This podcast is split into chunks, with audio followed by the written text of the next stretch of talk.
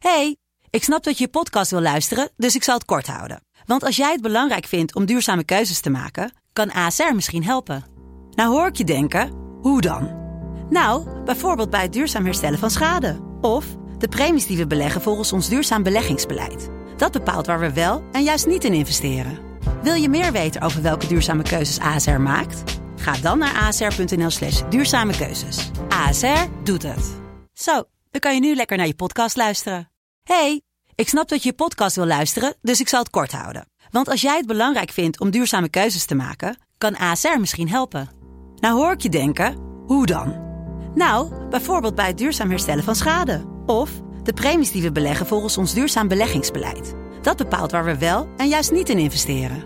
Wil je meer weten over welke duurzame keuzes ASR maakt? Ga dan naar asr.nl slash duurzame keuzes. ASR doet het. Zo, dan kan je nu lekker naar je podcast luisteren. Dit is Mand, kortste podcast van Nederland. Vandaag gaan we het hebben over, over olie. Wat voor olie?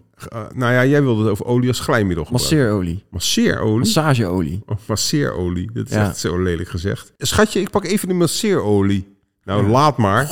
Droog. Dit was Mand. Papi, papi, papi. Mand.